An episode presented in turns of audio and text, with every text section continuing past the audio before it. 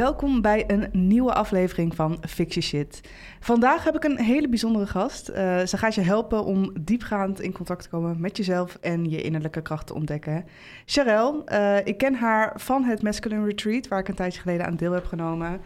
Um, dat maakt deze podcastopname voor mij extra speciaal, want ik heb daar zo enorm veel uitgehaald en ik ben haar echt heel erg dankbaar daarvoor, voor, die, voor het hele weekend, voor het hele retreat de mensen die ik daar heb mogen ontmoeten, de barrières waar ik doorheen mocht breken. Um, ja, dit is echt een krachtige gelegenheid om dieper in jezelf te duiken en persoonlijke groei te gaan ervaren.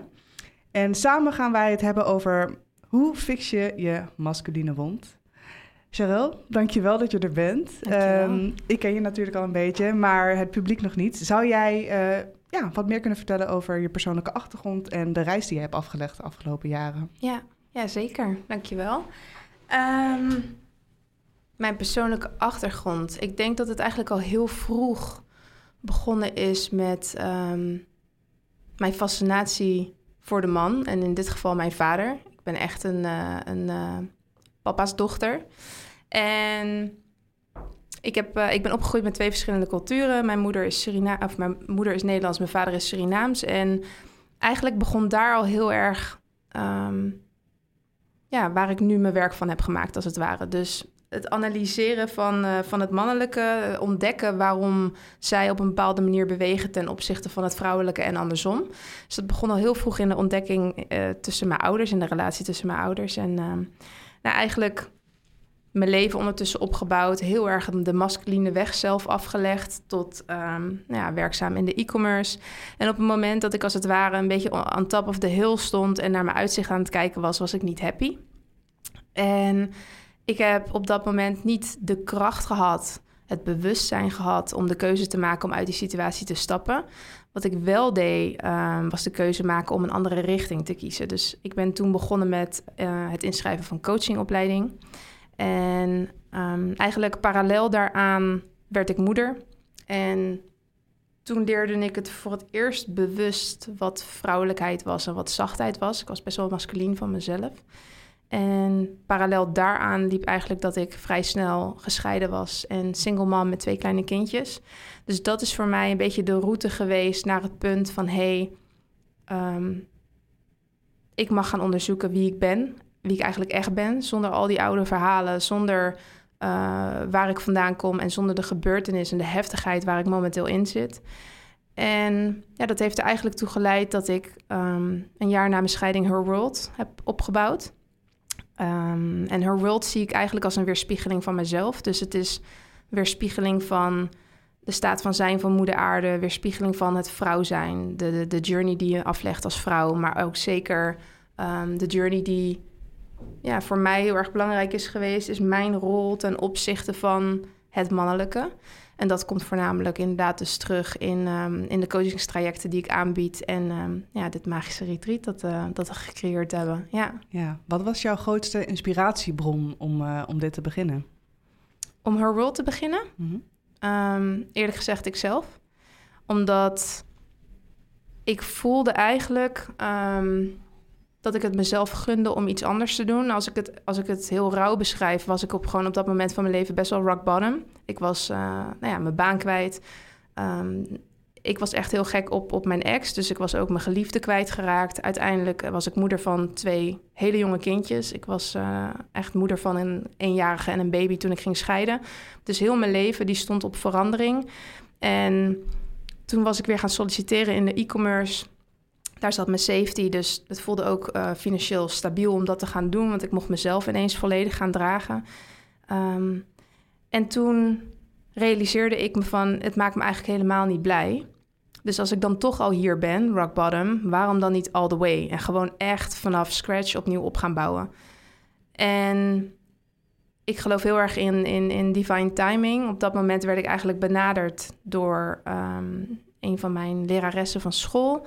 En zij, um, zij ging ook ondernemen en zij wilde vrouwen begeleiden van A tot Z in um, ja, het opbouwen van een bedrijf of het omswitchen van, uh, van branding. En zij heeft mij toen geholpen door eigenlijk mij te interviewen en te laten vertellen waar ik in zit, waar ik voor sta, wat mijn missie is. En daar is Her World uit ontstaan. Dus het is echt op basis gecreëerd van mijn verhaal. Ehm, en ik merk eigenlijk sinds ik dit werk doe... dat de vrouwen die dezelfde pijnstukken raken... of dat nou is vastzitten in masculiniteit... heel erg voelen dat je het allemaal alleen moet doen, alleen moet dragen... dat je um, genoodzaakt bent om in die hardheid te blijven... om vooruit te blijven bewegen, survival-modus. Um, maar daarnaast ook een wond hebt ten opzichte van ja, bepaalde niet volgroeide masculiniteit. Ja, dat al die vrouwen op mij afkwamen. Mhm. En dan in dit geval was dat meer een persoonlijke coaching. En um, ja, toen is dit retreat ontstaan. En voor mij is het wel echt zo dat ik voelde... ik heb het mezelf letterlijk cadeau gedaan. Dus alles begon een beetje bij mezelf... Maar het voelde echt heel erg nodig om het te delen met de vrouw. Ja, wat ik heel erg mooi vind aan wat je net zegt, is dat eigenlijk deze vrouw die weer op je pad kwam, ehm, jou een keer de vraag stelde. Ja.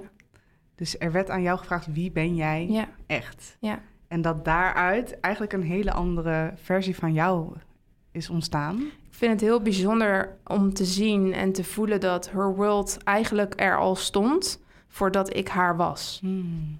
Want nu kan ik zeggen, Her World is een weerspiegeling van mij, want ik voel dat ik nu op dezelfde frequentie zit. Ja. Maar eigenlijk was zij letterlijk veel krachtiger, veel sterker in de uitstraling. Ehm, de fotografie die gebruikt is, was van mij. Alleen, ja, ik kon het nog niet belichamen. dus het is nog echt instappen. ja. ja. Dus het is heel mooi om te zien hoe een ander jou al kan zien voordat je daar zelf bent. En dat is wel de kracht van vrouwenwerk. Elkaar echt kunnen zien. Hmm. Ja. Super mooi. Ik vond die balans daarin ook super mooi tijdens het retreat. Dat je echt merkte, wij als vrouwen zien elkaar, maar wij mhm. worden gedragen door de man op dit moment. En die veilige space, door die twee dingen met elkaar te combineren, zorgde echt bij zo, voor zoveel ontlading bij alle mensen die daar waren. En zelfs bij jouzelf. Uh, ja, jij, deel, jij nam ook een soort van deel aan, aan het event. Ja, echt prachtig om te zien hoe, als je die werelden durft te combineren, wat dat voor je kan doen. Mm. Je had het net al even over gedragenheid. Waarom is dat een belangrijk thema voor jou? Mm, mooie vraag. Ik denk dat ik. Um, ik ben opgegroeid in de traditionele wijze. Als in mijn vader is kostwinnaar en um, mijn vader die heeft altijd heel erg gezeten op het geld wat ik verdien wordt gewoon verdeeld over het gezin. En hij heeft in dat gebied dus heel erg draagkracht ingezet. En die traditionele wijze, nu ik door een heel rauw proces heen ben bewogen, heb ik daar veel meer respect en bewondering voor. Mm, dus ik heb heel erg gezien hoe mijn vader op een bepaalde manier die draagkracht heeft kunnen bieden. En hoe dat nu compleet last voelt voor mij als ik ik ben ook relatiecoach. En als ik dan kijk van ja, ehm, mannen zijn het gewoon een beetje kwijt in hoeverre ze vrouwen kunnen en mogen dragen. En vrouwen die kunnen de controle als het ware niet weggeven. Mhm. En als ik dan kijk naar mezelf, degene die het eigenlijk altijd een soort van verlangd heeft in een relatie om dat te voelen, merkte ik nu ik alleen kwam te staan. Ehm, ja, gewoon kaart ging werken om mezelf te dragen. Alleen het gemis is wel tot nu toe is dat nog steeds aanwezig dat ik denk, ik zou het gewoon echt fijn vinden om, ja, als ik werk gerelateerd kijk, mijn mannetje te kunnen staan. Ik, ik voel ook als ik incheck met werk dat ik masculiniteit echt omarm. Dus ik weet heel duidelijk mijn richting. Ik kan me heel goed uitspreken over wat ik vind en wil. Ehm, ja, beweging geven aan wat ik van binnen voel. Um, daarin heb ik ook heel veel vertrouwen in mezelf. Maar als ik thuis kom, dan wil ik gewoon vrouw zijn. En dan wil ik gewoon kunnen verzachten. En dan wil ik die gedragenheid kunnen voelen van... hey, I got you. Want ja, mezelf dragen, ik weet hoe het, hoe het moet ondertussen. Ik kan het ondertussen, maar ja, het samen doen is gewoon veel magischer. Ja, absoluut. Is er iemand in je leven op dit moment die dat uh, voor je doet? Ja, dat vind ik een mooie vraag. Ik merk dus dat sinds het Masculine Retreat, de eerste was oktober afgelopen jaar. We bestaan nu bijna een jaar en um, het is wel mooi om te delen misschien dat dit retreat eigenlijk is ontstaan omdat ik dus een romantische dynamiek aanging voor de eerste keer. Ik ben drie jaar gescheiden, dus laten we zeggen dat uh, iets langer dan na twee jaar kwam ik een man tegen waarin ik heel erg voelde van hé, hey, mm, hij raakte iets in mij. En het was eigenlijk vooral op seksueel vlak. Dat ik voelde van, hé, hey, ik voel me aangetrokken tot jou. Mm. En wat Het vertelt dit? is er nog. Ja, Ja. ja, nou ja, ik voelde echt ineens, oh ja, los van het feit dat ik eh, flink aan het survivalen ben en moeder ben, ben ik ook gewoon nog steeds vrouw. En Mhm. deze man, hij triggerde me. Ehm, maar ik merkte dus ook dat alles wat ik de afgelopen twee jaar in ontwikkeling had gedaan, in heling met mezelf, in heling met de vrouw, heel erg die veiligheid en die herkenning voelen met vrouwen, dat dat ineens wegviel. En dat ik ineens weer in onzekerheid raakte. En dat ik ineens weer bezig was met... ehm, ja, hoe moet ik mezelf presenteren ten opzichte van hem? Of wat zijn zijn verlangens? Enzovoort, enzovoort. En pas ik in dat plaatje? Toen dacht ik, ja, ho eens even. Mm. Je hebt nou ondertussen toch wel geleerd dat je echt jezelf mag zijn. Want op het moment dat je dat doet, ontstaat er magie. Dat, dat had ik ondervonden in mijn werk. Maar op het moment dat je dat niet doet, kan er zoiets heftigs gebeuren als nou ja, een scheiding met jonge kinderen. Dat heb ik ook ervaren. Dus ik realiseerde me heel erg dat er werk aan de winkel was. En ehm, na dit retreat dus vijf keer inderdaad meegedaan te hebben. Ik heb nu besloten eh, in Haarlem dat dat de laatste was. En, ehm, en vanaf nu ga ik een andere rol innemen. Maar door hem vijf keer te doen, heb ik heel erg kunnen werken aan dat ik ook het vertrouwen voel wanneer ik bij een man ben. Dat ik ook die veiligheid voel wanneer ik bij een man ben. En als je voelt en ziet hoe close wij zijn op zo'n retreat, het is echt, echt een hele mooie verbinding, man en vrouw. En ehm, ehm, heb ik dus wel gemerkt dat mijn hart nu heel erg open staat met mannelijke. En dat ik daardoor hele mooie verbindingen aan kan gaan. Maar omdat ik eigenlijk altijd een, nou ja, ehm, zenuwstelsel heb gehad die aanging op de dingen die ik kende van vroeger, eh, die Mhm. gewoon simpelweg niet veilig waren. Voel ik nu dat ik gewoon echt mag testen in zachtheid. Ik voel gewoon, Cheryl, je hebt geen haast. Dus als ik nu een man aantrekkelijk vind en er ontstaat een dynamiek, dan ga ik vooral voelen van hoe reageert mijn systeem van binnenuit op langer termijn. In plaats van dat ik meteen, nou ja, of fysiek verbind met hem, of dat ik gelijk ergens ehm, druk achter wil zetten. Ik geloof echt in divine timing. Ik neem echt mijn tijd. Dus ehm, ja, er is een man op dit moment waar ik in- mee in verbinding ben. En ik ben echt aan het ontdekken wat hij doet met, nou, als we laagjes dieper gaan. En ehm, als ik echt mijn volledige zelf kan tonen, of het dan nog steeds voelt als een ja. Dus laag voor laag. Mooi. Ja. Stap voor stap. Ja. Dat is eh, een soort van mantra die ik mezelf eh, heb ingepraat tijdens het retreat. Mm. Er was op een gegeven moment een, eh, een stuk waarin we een hele mooie wandeling gingen maken in stilte. Met Anton, de Barefoot Dutchman. Dus Ja. ook op blote voeten. Door de Kennemerduinen waren het volgens mij. Met 30 graden. Met 30 graden. Oh. Op schelpen. Er waren mensen kwijtgeraakt. Het was echt een hele bijzondere ervaring. Ja. En ik, wat jij net een beetje omschrijft, stapje voor stapje, laagje voor laagje. Ik merkte dat dat in, tijdens het eh, retreat voor mij echt... Misschien was het het meest simpele, zeg Mhm. maar, van de breathwork sessies en de sound healing. Het, het lopen is op zich... Hè, je gaat gewoon een rondje lopen, dacht Ja. ik. Chill, lekker in Mhm. de natuur. En ik merkte al heel snel dat ik mezelf aan het afleiden was. Dus wat ging ik doen? Ik ben daar aan het lopen in de natuur. Ik zie allemaal mooie bloemetjes, plantjes. En in plaats van even de stilte op te zoeken, ging ik mezelf afleiden. Dus wat ging ik doen? Ik ging grassprietjes plukken, ik ging kleine bloemetjes zoeken. En op een gegeven moment had ik zo'n mooi klein boeketje in mijn hand. Totdat ik ongeveer op de helft was van die wandeling. En me besefte, waarom ben ik dit nu aan het doen? Mm. Wat, wat probeer ik hiermee te bereiken dat ik me nu aan het afleiden ben? En op het moment dat ik dat boeketje neer... Ik heb het op een gegeven moment op een boomstronk gelegd, een hele grote boomstronk waar we langs liepen. En toen dacht ik, en hier laat ik het achter. Hier schrijf ik mijn nieuwe verhaal. Nu is het klaar met dat afleiden en niet er naartoe willen. Geef je er maar aan toe. Ja. En toen ben ik verder gaan lopen en toen... Ik kon op een gegeven moment ik kon niet meer, joh. Ik, dacht, ik zag mensen met bloedende voeten. Ik dacht, oh god. En voordat je nu luistert en denkt, jeetje, wat was dit voor heftig retreat.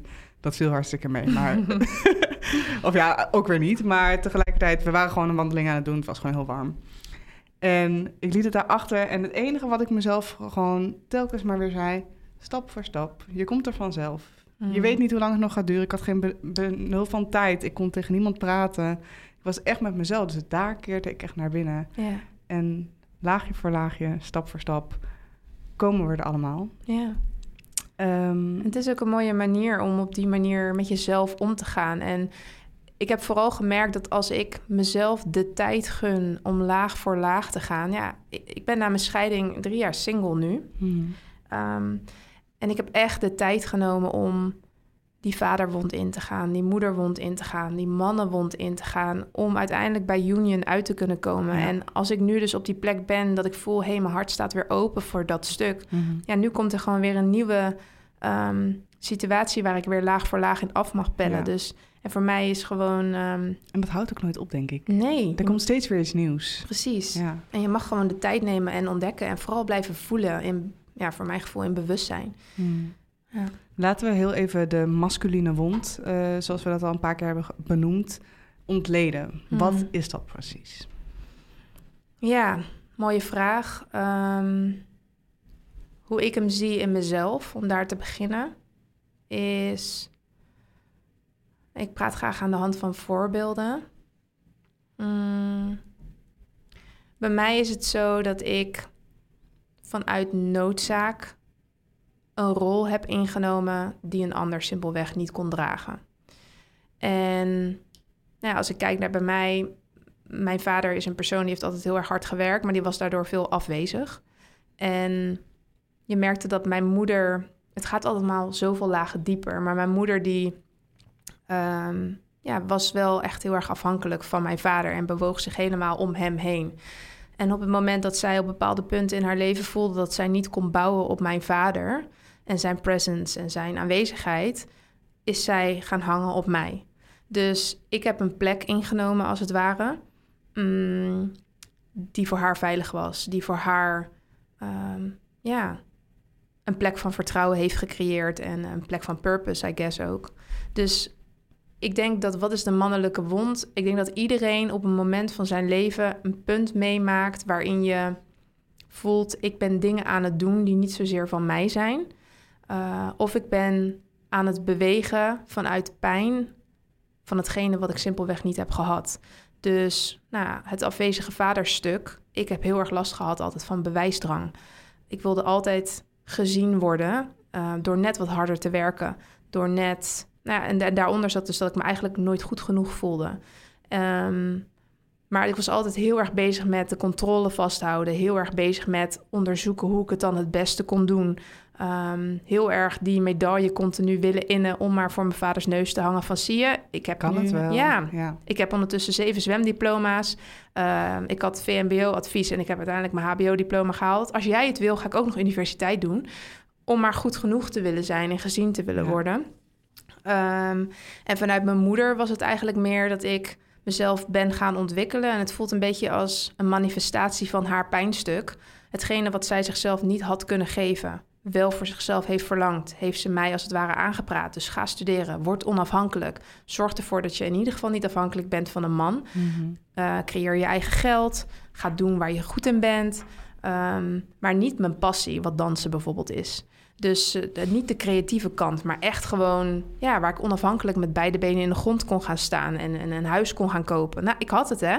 Ik had het op de eindstreep. Ik was 30. Ik had een huis gekocht. Ik had een goed salaris. Ik had een flinke naam als functie in de e-commerce. Um, ik was zwanger van mijn eerste kindje. Ik had een hond. Ik had een man die er heel leuk uitziet. dus al die, en die heel, die heel, stoer is. Dus ik had al die elementen gecreëerd. En uiteindelijk stort het binnen een half jaar tijd in. En binnen, ja, na de geboorte van mijn tweede kindje was ik binnen een half jaar gescheiden. En moest ik gewoon opnieuw beginnen. Dus de wond is eigenlijk, voor mijn gevoel, wordt het gecreëerd in de eerste zeven levensjaren Echt op basis van wat je ziet en wat je meekreeg vanuit je ouders. Nature, nurture. Ja. ja. Dus als vrouw kijk je heel erg naar het voorbeeld wat je ziet, wat je vader doet. Dat is mhm. vaak waar je of opvalt als vrouw, of juist kaart van tegen beweegt. En wat je ziet van je moeder, dat is wat je bent als vrouw, of kaart van tegen beweegt. Nou, ik ben gaan tegenbewegen van mijn moeder, maar ik ben mijn vader daardoor als succesvol gaan zien. Dus hij was succesvol in de sport in dit geval. Dus ik keek daar heel erg tegen op nou ja, heel Nederland keek daar toen op dat moment een beetje tegenop. Dus ik kon heel erg identificeren dat hard werken wat hij deed. Hij is ook nog eens Surinaamse afkomst, dus hij heeft altijd het gevoel gehad dat hij twee keer zo hard mm. moest werken. Dus dat, dat staat voor mij als succes en dat wordt geëerd en dat wordt gezien en ehm, dat wordt geuit in geld en dat soort dingen. Dus ik heb gewoon mijn focus echt heel erg gelegd op wat mij gevoed heeft in mijn jeugd. En ehm, ja, toen ik eenmaal zelf volwassen was en, en dat stukje eigenlijk mocht gaan omarmen, het gezinsleven, toen, toen was het gewoon totaal niet wie ik mocht zijn of wat voor mij bedoeld is. Hmm. Hoe kijk jij nu nadat je zelf al die retreats hebt gevolgd en ook natuurlijk heel veel ander innerlijk werk hebt gedaan? Mm. Hoe kijk jij daar nu, eh, nu naar die situatie die zich toen heeft afgespeeld?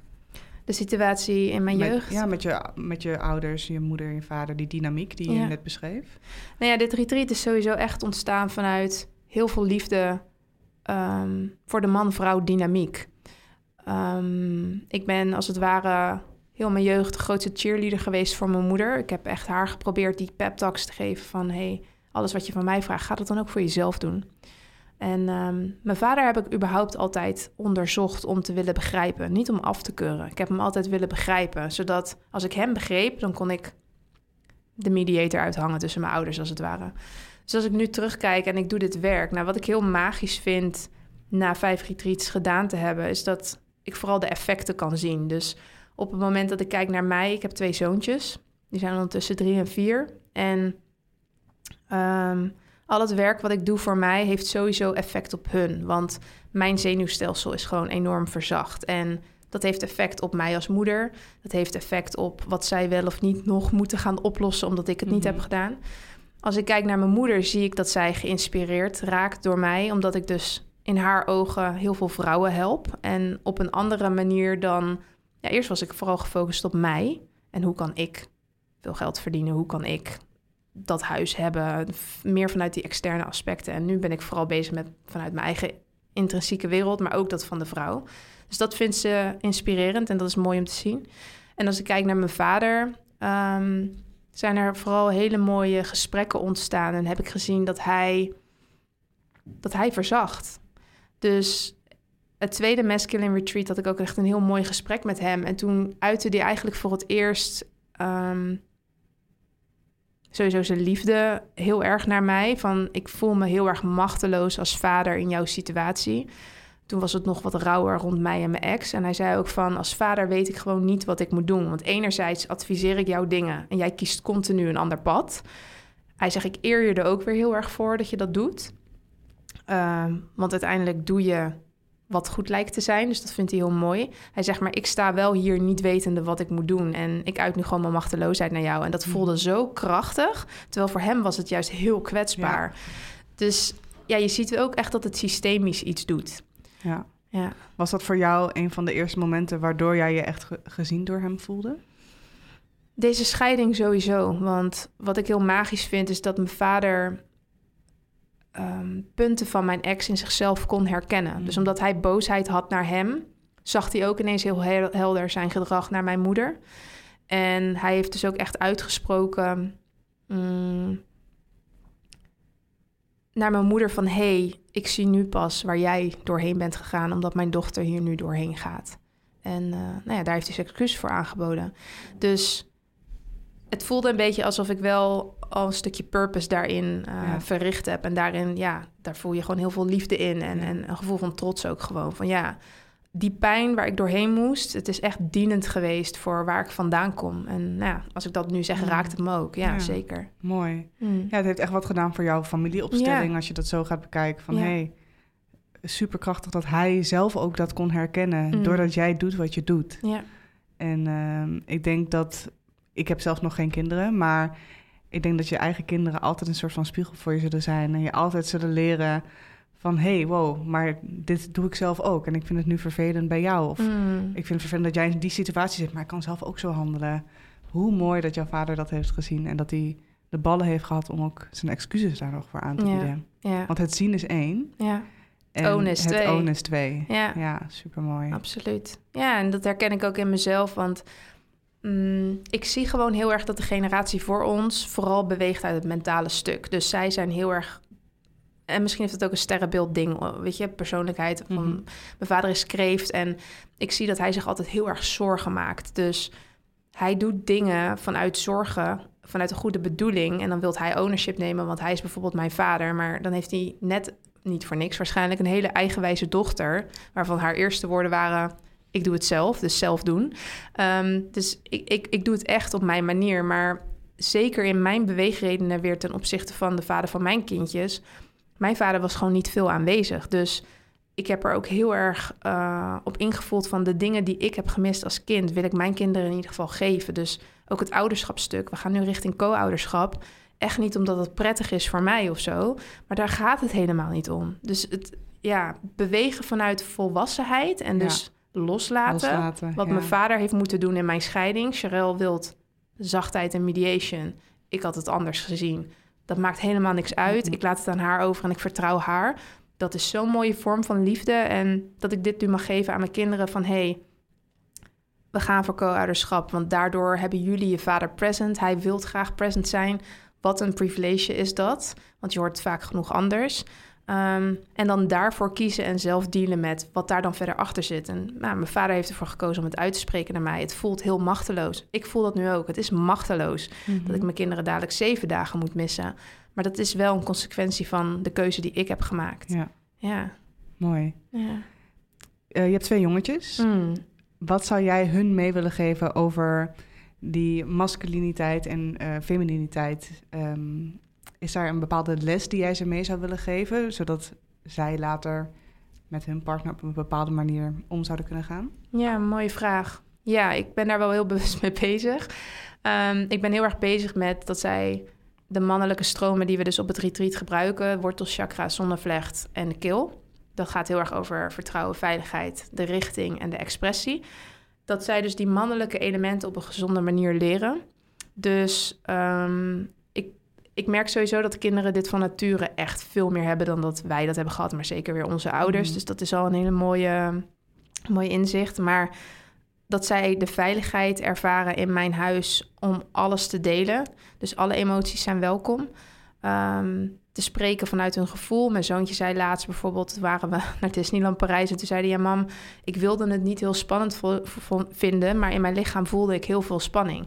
denk ik, ja, hij kan al zo verbinden met zijn lichaam... en vanuit daar spreken. Dus vertrouwen op je fysieke lijf. En dat wat dat vertelt, dat dat telt. Dus dat neem ik heel erg mee.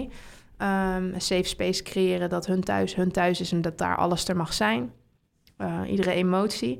Maar ik laat ze ook heel erg leiding nemen en al hun richting bepalen. Dus ja, mijn zoontje die ehm, doet zijn eigen bestelling. Als we ergens zitten, dan, dan, dan bestelt hij zijn eigen eten en drinken. Je, op die manier dat hij echt ja, mag voelen van mijn stem telt. En ik mag mm. bepalen wat ik wil voor ons. En, uh, en naar de vrouw toe, ja, ik probeer ze vooral te communiceren met een open hart. En um, ja, ik laat ze wel heel erg zien ook naar hun oma toe, maar zeker ook naar mij toe. Van um, ja, ik ben een meisje. Soms, want ze zijn soms heel stoeierig. Het zijn natuurlijk mhm. twee jongens met elkaar. En dan zeg ik van ja, met oompie, met, met papa en met, met opa kunnen jullie stoeien. Met meisjes mag je wat zachter doen. Dus ik neem zeker wel mhm. elementen mee. ja. Mooi. Ja. Ik ben echt benieuwd uh, als ze straks wat ouder zijn, wat je daar allemaal, ja, hoe zij daarmee om zullen gaan. Ja, ze zitten al echt bij retreats. Zijn ze, ze zijn bij ceremonies bij mij thuis. Ik heb een, een tent in mijn, thuis, in mijn tuin staan. Daar hebben we soms kleinere ceremonies. En daar zijn ze dan ook echt wel af en toe bij. Oh, wat leuk. Dus dat is wel heel leuk om te zien dat ze daar echt mee mogen opgroeien. Zeg maar. ja, mooi. Ik denk echt dat de generatie die nu gaat komen na ons, gaat zo anders zijn. Mm. Je merkt het nu al wel een beetje aan de, aan de Gen Z. Mm. Dat ze, ze durven voor zichzelf op te komen. Ze durven op te staan. Uit te spreken. Uh, ze durven uitspreken hoe ze zich voelen. Ze durven te zeggen wanneer iets niet oké is. En ik denk dat dat alleen maar nog meer gaat groeien. Dus ik ben heel benieuwd als die kleintjes van jou straks een jaar of uh, 15, 16 zijn. Ja. Hoe zij er dan uh, bij, bij zitten met al jouw wijsheid ook in hun achterhoofd. Ja. Um, we hadden het zo straks al even over de effecten van zo'n retreat. Dat jij daar altijd, ja, jij spreekt de mensen natuurlijk daarna nog. Je ziet wat het met ze heeft gedaan, waar ze mhm. naartoe weer kunnen groeien misschien. Wat voor dingen komen er allemaal voorbij? Um, ja, dat is heel divers. Enerzijds, ik denk dat het retreat weet je, um, je kan, er zijn veel vrouwen die voor het eerst een retreat doen, die komen naar het masculine retreat met verschillende redenen. Sommige vrouwen vinden het dus heel fijn dat het een retreat is dat geleid wordt door mannen, omdat ze juist vastzitten in die mannelijke energie. Dus die krijgen het juist een beetje benauwd van al dat zachte en het vrouwelijke. Dus die hebben dan zoiets van, ah, interessant retreat. En die ervaren vaak aan het einde dat ze nog behoefte hebben aan een feminine retreat. Dus dat ze hebben gevoeld van... hé, hey, oké, dit is dienend geweest. Ik ben, omdat de mannen in hun mannelijke kracht staan... Uh, heb ik mogen ervaren dat ik daardoor in die... in het bijzijn van die energie meer in mijn vrouwelijkheid kan zakken. Um, dus dan is vaak de, de beweging dat ze willen ontdekken van... hey, hoe is het dus om dan echt een feminine retreat te doen? Dus dat heb je vaak. Ehm, maar wat er ook is geweest, is dat ik echt na de rand van die berichten krijg met love stories van hey, de liefde is op mijn pad gekomen. Maar ook echt vrouwen die juist zeggen van hey, ik, ik kon echt inzien en voelen, dit is niet meer wat ik wil voor mij, dus ik heb die relatie beëindigd. Dus het zijn wel hele mooie, mooie effecten. Ja, ja mooi. Ja. Wat hoop jij uh, de mensen die daaraan deelnemen aan zo'n retreat uiteindelijk mee te geven? Zowel als persoonlijk vlak of uh, in hun relaties? Hmm. Mooie vraag. Um, wat, ik, wat ik zelf heel erg heb gevoeld is dat dit retreat heel erg kan helpen in het loslaten van verhalen. Dus soms is het zo dat je aan de hand van voorbeelden nou ja, dieper in kan gaan op een onderwerp en wat resoneert en herkenning geeft en daardoor elkaar kan begrijpen. Maar ik heb wel gemerkt, het eerste retreat zat ik echt heel erg vast in het verhaal van de scheiding en wat ik waar ik behoefte aan had en mijn ex mij niet heeft gegeven. Dus heel erg gefocust op hem. En nou ja, ik heb er vijf meegedaan en in de laatste heb ik niet eens meer gekoppeld gezeten aan situaties, maar waren er gewoon ja, best wel meer lichte emoties die mijn lichaam mochten verlaten. Dus wat ik belangrijk vind aan dit retreat, maar zeker ook in de coaching sessies die ik doe, is dat je echt ownership neemt over je eigen leven, maar vooral in verbinding raakt met je eigen lichaam uh, jezelf echt dat podium mag geven, echt heel erg mag bewegen in wat voor jou belangrijk is. En minder bang zijn voor de effecten daarin naar de buitenwereld. Want mijn leven is compleet veranderd nadat ik gescheiden was. En dat is, dat is moeilijk, want je moet letterlijk opnieuw beginnen. Alleen, ik ben nu drie jaar single, maar ik heb nog nooit zoveel liefde gevoeld als, als nu. Met ja, liefde voor mezelf om mee te beginnen, maar ook met alle mensen waar ik me nu mee mag verbinden.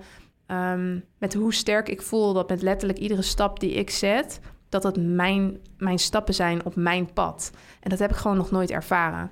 Dus wat heel erg helpt als je een pijnstuk hebt, uh, in dit geval wanneer je naar mijn retreat zou komen in masculiniteit, of dat nou dus is masculiniteit in jezelf, of dat je iets hebt meegemaakt met een man en, en voelt ik gun mezelf weer liefde, zelfliefde of romantische dynamieken, dan is het gewoon een hele mooie tussenstap voordat je naar die union gaat en kan verbinden met het mannelijke. Dus ja, mijn missie is wel echt heel erg van verbind eerst met jezelf, embrace all that you are, um, het donker, maar zeker ook het licht. Durf in dat licht te staan. Gun het jezelf ook naar zo'n retreat te gaan, want het is een investering in jezelf.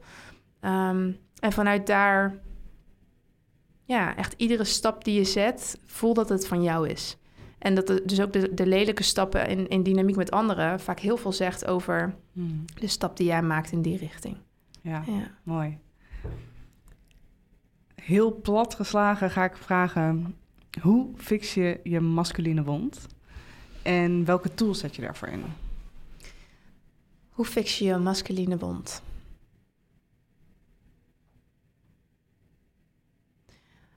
Ik denk Eerst terug naar je root. Onderzoeken waar kom je vandaan. Heel duidelijk kijken naar wat heb ik meegekregen. Misschien wel gewoon heel je leven even uitschrijven ten opzichte van incidenten met betrekking tot het mannelijke. En dan heb ik het niet alleen over relaties, maar echt gewoon de, de, de masculine samenleving waarin wij leven. Dus ik ga gewoon helemaal in op dat stukje van waar neem ik nog te veel controle terwijl ik eigenlijk in flow wil leven waarin um, ja, overheers ik nog terwijl ik eigenlijk wil verzachten. Dus al die dynamieken even ontdekken en dan gewoon zien wat jouw aandeel daarin is. Het is eigenlijk radicaal eerlijk zijn naar jezelf. Ja. ja. En soms wil je zelf die dingen niet zien. Mm. En wordt het, ja, kan je het pas zien als je dus bijvoorbeeld dingen doet zoals een breathwork sessie waar heel veel omhoog komt. Ja patronen die je van jezelf helemaal niet door had. Uh, sound healing die jij ook super mooi in hebt gezet tijdens het uh, retreat. Ehm, ja, allemaal dat soort tools die, die ondersteunen daar natuurlijk ook bij. Ja, absoluut. Naast dat je je verhaal uitschrijft, 100% eerlijk tegen jezelf durft te zijn. Ja. Ehm, wat is een tool die jij zelf heel fijn vindt om gewoon op een dagelijkse basis te gebruiken? Wat ik heel erg eer in mijn leven, en dat is eigenlijk echt sinds de scheiding, um, rituelen. Dus echt mijn ochtend- en mijn avondritueel. En dat is ook een stukje ja, verschil in masculiniteit en femininiteit. We kunnen als vrouwen ook vaak, heel vaak dingen willen, dromen, verlangen. Maar het daadwerkelijk in actie komen en het doen, dat, dat is gewoon ja, consistency. Gun het jezelf om het ook te doen. En juist wanneer het pittig is, dan moet je het juist doen. Dus op het moment dat die basis gelegd is van... hé, hey, ik sta s ochtends op... Um, en in plaats van dat ik iets doe in routine, daar echt een ritueel van maken, dat verzacht het weer in, in vrouwelijkheid. Um, ja, dus echt die structuur creëren waardoor je jezelf gewoon een quick start gun. Van hé, hey, ik voel me goed. Vanuit hier begin ik mijn dag. Mhm. Het heeft gewoon effect op, op heel je dag. En, en in de avond heeft het gewoon effect op je slaap. En daarmee eer je ook weer je energie. Dus voor mij is dat wel hetgene wat mij het meest geholpen heeft in de moeilijke tijden om te blijven staan. Dat was mijn basis, dat was mijn dekking. Ja. Mooi. Ja. Heb je toekomstplannen voor uh, het retreat, maar natuurlijk ook voor jezelf? Heb je bepaalde dingen waar je nog graag naartoe zou willen werken? Um, nou, we zijn eigenlijk van een eendaagse naar een tweedaagse gegaan. Daar was je zelf natuurlijk bij, bij, die, bij de eerste event. Dus um, ja, nu zijn we aan het werken naar 2024 om daar een overnachting bij te doen. Twee overnachtingen, dus vrijdag tot en met zondag. Dus dat je echt volledig af kan sluiten even van alles eromheen. Volledig present kan zijn met dit stuk. Dus dat is een beetje het doorgroeien stuk van het Masculine Retreat. Um, en als ik kijk naar mezelf, ja, dan sluit het eigenlijk wel aan bij de vraag die je net stelde. Ik, ik, ik sta echt weer open voor romantische dynamiek. Ik, ik voel echt dat ik daar klaar voor ben. En um, ja, daarin voel ik ook dat ik echt voor het eerst weer ruimte ervaar dat er, dat er iets nieuws aan zit te komen. Um, de pilaren die voelden volledig weggevallen te zijn, dus werkgerelateerd, thuissituatie, um, verbinding. Dat was allemaal weg en ik voel nu dat het allemaal weer staat en dat mijn hart weer open is om te verbinden. Dus ik denk dat dat wel um, ook iets moois is om gewoon hardop uit te spreken. Ik gun mezelf echt weer om in verbinding te staan met één man. Mooi. Ja. Klinkt allemaal heel goed. En ik heb er alle vertrouwen in uh, dat dat helemaal goed gaat komen. Ja. Dankjewel voor je tijd en uh, al je wisdom en mooie inzichten die je altijd meegeeft aan iedereen. Dit was Fix Shit, aflevering 2 volgende week weer iets heel anders, maar ook super interessant. Ehm, laat het even bezinken. Wil je meer weten over Charel en alles wat ze doet? Klik dan even op de link in bio. Die kan je vinden onderaan de podcast. En laat natuurlijk ook even een rating achter wat je vond van deze aflevering. Bedankt voor het luisteren en tot volgende keer.